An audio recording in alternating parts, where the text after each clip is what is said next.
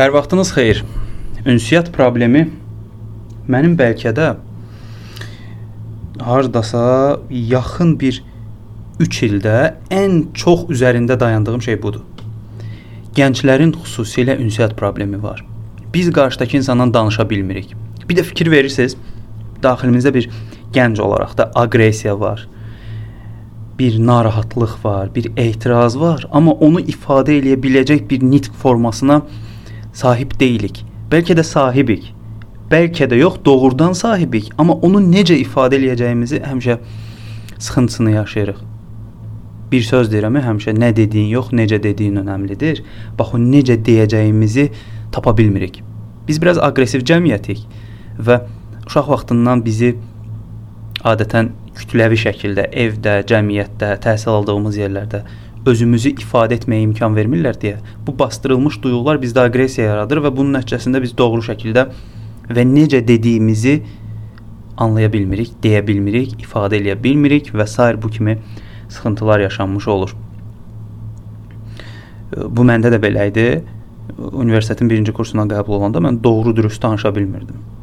Sonradan bu zamandan formalaşdı. İndi bir neçə fikirlərimi bölüşəcəm bununla bağlı. Düşünürəm ki, təsir ola bilər. Məsələn, bir klişe var ki, tutaq ki, kitab oxumaq insanın nitqini formalaşdırır. Əslində kitab oxumaq insanın düşüncəsini formalaşdırır, nitqini yox. Çünki düşüncə istehsal eləyə bilməyən beynin nitq istehsalı ortaya nitq çıxarması və effektiv nitq çıxarması doğru deyil. Daha doğrusu alınmır. Yoxdur axı beynin içərisində. Bax məsələn, götürək bir professordur, qalaq-qalaq kitablar oxuyub, amma oxuduğu kitabları heç harda, heç yerdə istifadə etməyib. Yəni ünsiyyət olaraq onu çox da danışmayıb. Amma adam bir professordur da. Bir də alverçini götürək. Bütün gün danışır adam və məhsulunu satır. Alverçinin nitqi öz sahəsində çox effektiv olacaq. Amma professorun nitqində sıxıntı da yarana bilər. Çünki o danışmayıb axı. Okay, çox gözəl məlumat verə bilər, fikirləri bölüşə çox faydalı ola bilər, amma onu praktikadan keçirməyib, özününküləşdirməyibsə, bax burada sıxıntı yaranır.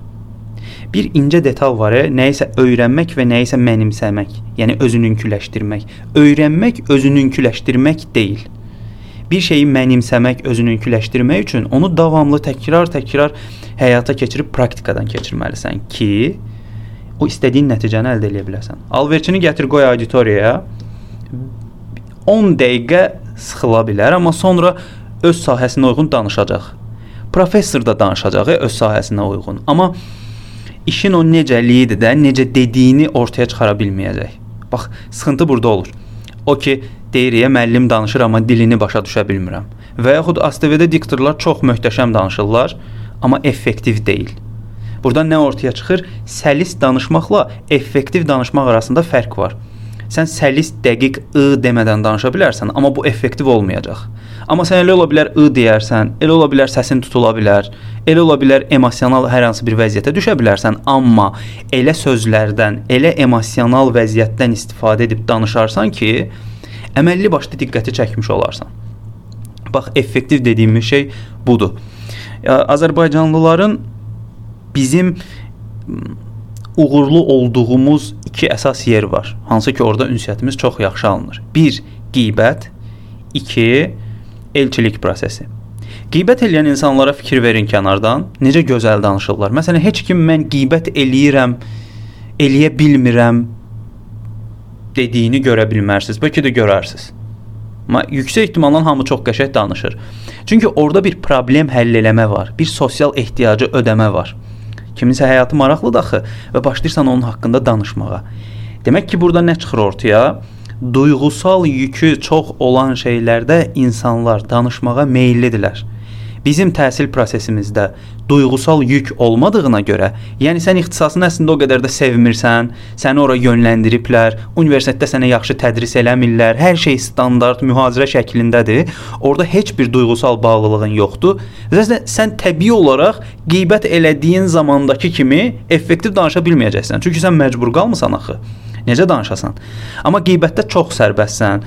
Seçim azadlığın, nitq azadlığın, hər şey hər şeyi özün tənzimləyə bilmə azadlığın olduğuna görə çox qəşəng rahat danışırsan və çox da alınır.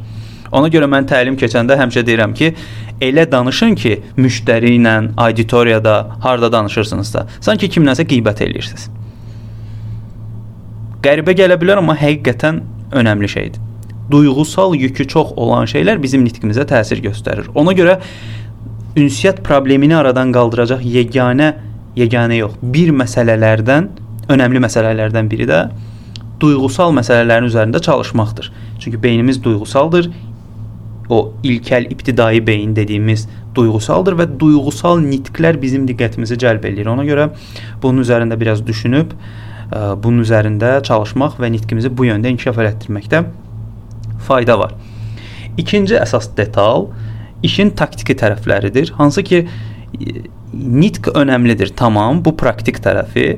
Taktiki tərəfdə qarşı tərəfə təsir eləyə biləcək detallardan istifadə etmək psixoloji detal, sosial psixoloji, marketoloji və s. və s.